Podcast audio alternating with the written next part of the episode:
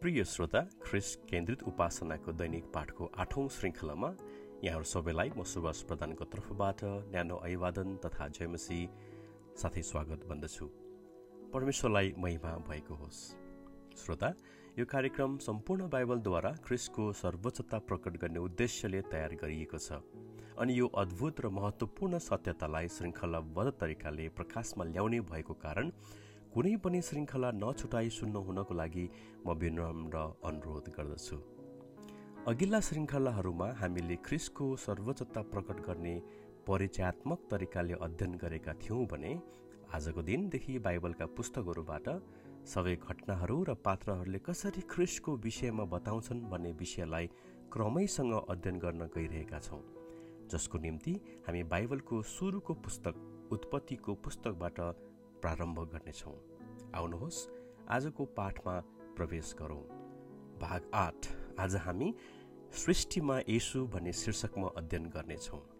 यो संसारको सृष्टि यसु ख्रिस्टले गर्नुभयो भनी हाम्रो पारिवारिक सङ्गतिमा जब मैले भने मेरा दस वर्षका छोराछोरीले आश्चर्यमा आफ्ना साना साना आँखा पनि ठुला ठुला बनाई होइन? यो त परमेश्वरले गर्नुभयो भनी प्रतिवाद गरे। अनि उत्पत्ति एकको एक देखाउँदै भने हेर्नुहोस् आदिमा परमेश्वरले आकाश र पृथ्वी सृष्टि गर्नुभयो। ख्रिस्टले होइन परमेश्वरले हो भने। सायद तपाईँहरूको पनि त्यस्तै अनुभवहरू रहेका होलान्। अर्को पक्ष भनेको तेरो यसु त पछि जन्मेको हो। हाम्रो आशा त सनातन देखियो हाम्रो पुरानो धर्म हो। तिमीहरूको त दुई हजार वर्ष मात्र त भयो। यस्ता भनाइहरू यहाँले पनि सुन्नुभएको होला वा यस्ता प्रश्नहरूको सामना यहाँले पक्कै पनि गर्नुभएको होला। यदि बाल समाजभन्दा माथि हामीले बाइबलको सत्यतालाई बुझेनौँ भने हामीलाई यसको जवाफ दिन निकै कठिन हुन्छ। प्रिय श्रोता ख्रिस्ट मानव जातिलाई पापको बन्धनबाट छुटकारा दिन मानव अवतार यस धरतीमा आजभन्दा दुई हजार बिस वर्ष अघि आउनु भए तापनि यही उत्पत्ति एक अध्यायमा यस संसारको सृष्टि हुनु अघि नै अनन्तदेखि यसु ख्रिस्ट हुनुहुन्थ्यो भन्ने सत्यता हामी थाहा गर्दछौँ। यसु ख्रिस्ट सृष्टिमा सामेल हुनुहुन्छ भनेर सिकाउन उत्पत्ति एक अध्यायको एक लगायत अरू थुप्रै खण्डहरू छन् जहाँ यसुले सारा ब्रह्माण्ड अर्थात् स्वर्गमा र स्वर्गमुनि भएका यावत तोकलाई सृष्टि गर्नुभएको छ भनी बताउँदछन्। श्रोता उत्पत्ति एक अध्यायको एकले हामीलाई परमेश्वरको अस्तित्व छैन भन्ने बारेमा भन्दा पनि सिधै परमेश्वरको अस्तित्वलाई स्वीकार गरेको छ। विज्ञानले यस कुरालाई स्वीकार नगरे तापनि धर्म र विज्ञान फरक विषय हुन् श्रोता छुट्टै विधाहरू हुन्। धर्म वा आस्थाको महत्त्व विज्ञानको सहायताले पुष्टि हुने होइन। विज्ञानका सूत्र वा विज्ञानको तराजुमा धर्मलाई जोखेपछि मात्रै धर्म हुने भए सोझै विज्ञानलाई धर्म माने भइहाल्छ नि होइन र श्रोता? परमेश्वरले यस ब्रह्माण्डको सृष्टि गर्नुभयो भन्दा ख्रिस्ट कहाँ हुनुहुन्छ भन्ने प्रश्न उठ्नु स्वाभाविक नै हो। श्रोता हिब्रू बाइबलमा परमेश्वर भन्ने शब्दलाई एलोहिम भन्ने शब्द प्रयोग गरिएको छ। एलोहिम बहुवचन हो अर्थात् बहुवचन एकभन्दा बढी ईश्वर। तसर्थ बाइबल्य ईश्वरीय सिद्धान्त अनुसार पिता परमेश्वर पुत्र परमेश्वर अर्थात् परमेश्वरको वचन जो ख्रिस्ट हुनुहुन्छ पवित्र आत्मा परमेश्वर अर्थात् परमेश्वरको आत्मा तिनै व्यक्तित्वको सक्रिय भूमिका यस संसारको सृष्टिमा भएको थियो भनी हामी जान्दछौँ। पिताले आज्ञा गर्नुहुन्छ पुत्रले कार्यान्वयन गर्नुहुन्छ अनि पवित्र आत्माले त्यस कार्यको निम्ति शक्ति प्रदान गर्नुहुन्छ। तसर्थ उत्पत्ति एकको एक भन्दा पनि योहन्नाको पुस्तक कोरन्थीको पुस्तक कलसी र हिब्रूका पुस्तकहरूमा यो विषयलाई अझ स्पष्ट तरिकाले उजागार गरिएको छ। यी खण्डहरूबाट हामी मुख्य चारवटा सत्यताहरू सिक्दछौँ। पहिलो सबै थोक उहाँद्वारा सुरु भयो योहन्ना एक अध्ययको एकदेखि तिन। वचनले यसरी भन्दछ प्रियहरू आदिमा वचन हुनुहुन्थ्यो वचन परमेश्वरसँग हुनुहुन्थ्यो अनि वचन परमेश्वर हुनुहुन्थ्यो। उहाँ आदिमा परमेश्वरसँग हुनुहुन्थ्यो सबै थोक। उहाँद्वारा बनिए र बनिएको कुनै पनि थोक उहाँ बिना बनिएन। यसो यस संसार वा सम्पूर्ण ब्रह्माण्डको सृष्टिमा सामेल हुनुहुन्थ्यो भन्ने यो पदले हामीलाई स्पष्ट बनाएको छ। यो सम्भव पनि थियो किनभने यसो स्वयं परमेश्वर हुनुहुन्छ अनि यही परमेश्वर देहदारी भई मानिसको रूपमा आउनुभयो। त्यसैले त प्रिय श्रोताहरू यसैया अगमवक्ताले जब अगमबानी गरेको थिए हाम्रो निम्ति एउटा बालकको जन्म भएको छ र एउटा पुत्र दिएको छ। स्मरण रहोस् बालक जन्मेको हो पुत्र होइन किनभने पुत्र त अनादिदेखि अनन्तसम्म हुनुहुन्थ्यो। उत्पत्तिमा उहाँले सृष्टि गर्नुभयो अर्थात् ख्रिस्टले र प्रकाशको पुस्तकमा पनि उहाँले नयाँ सृष्टि गर्नुहुनेछ। अर्थात् बाइबल सृष्टिदेखि नयाँ सृष्टिको एउटै कथाको पुस्तक रहेछ। बेग्ला बेग्लै पुस्तकहरू भए तापनि एउटै व्यक्तिलाई सङ्केत गर्ने पुस्तक रहेछ भन्ने कुरा हामी यहीँबाट थाहा गर्दछौँ। दोस्रो ख्रिस मार्फत नै सबै अस्तित्वमा आए। यो कुरा पहिलो कुरन्ती आठको छमा हामी पाउँदछौँ।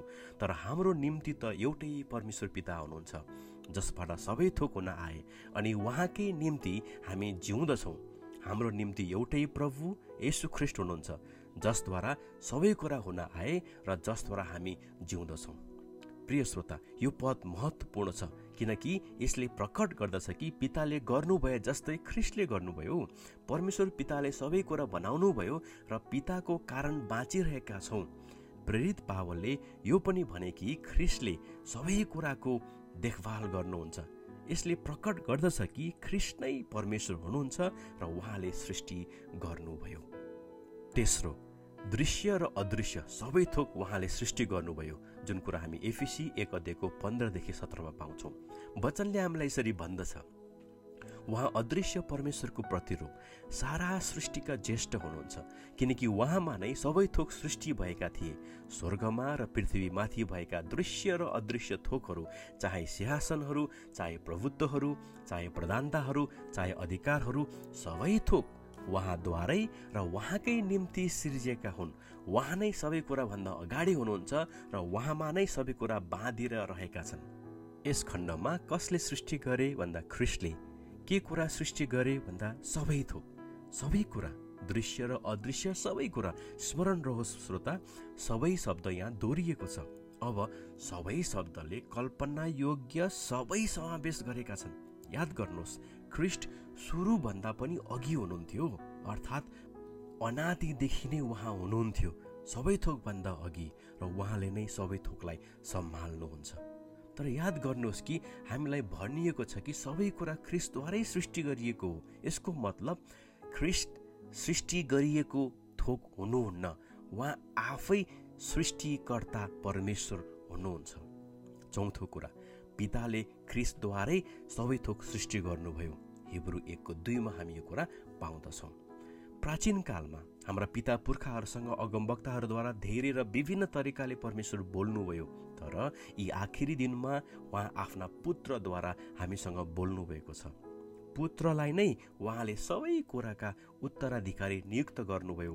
उहाँद्वारा नै समस्त सृष्टि रच्नु पनि भयो।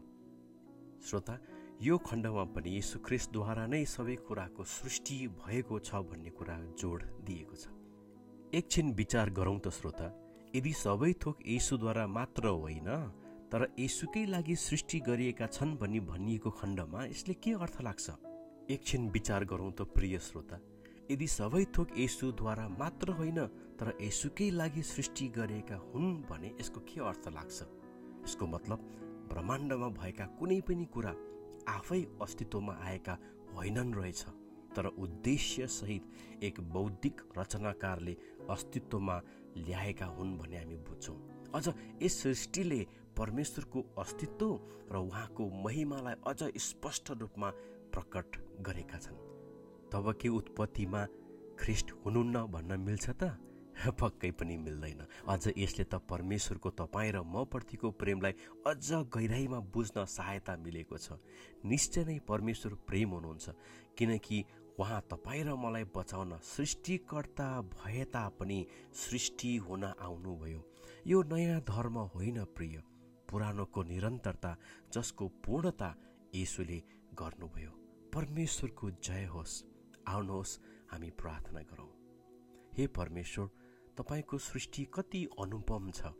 तपाईँ सबैका सृष्टिकर्ता हुनुहुन्छ। यी सबै सृष्टिले तपाईँको गुणानुवाद गर्दछन्।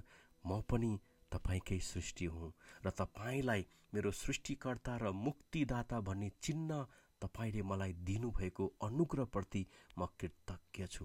सबै थोक तपाईँद्वारा र तपाईँकै ख्रिस्टको निम्ति भन्ने यो सत्यतामा जिउन आज मलाई मद्दत गर्नुहोस् यसु ख्रिस्टको नाउँमा। आमेन। यहाँको दिन आशिषमय रहोस्। भोलि अर्को श्रृङ्खलामा फेरि भेटौँला। ख्रिस्टको स्वरूपमा बनिनको निम्ति ख्रिस्टको स्वरूपमा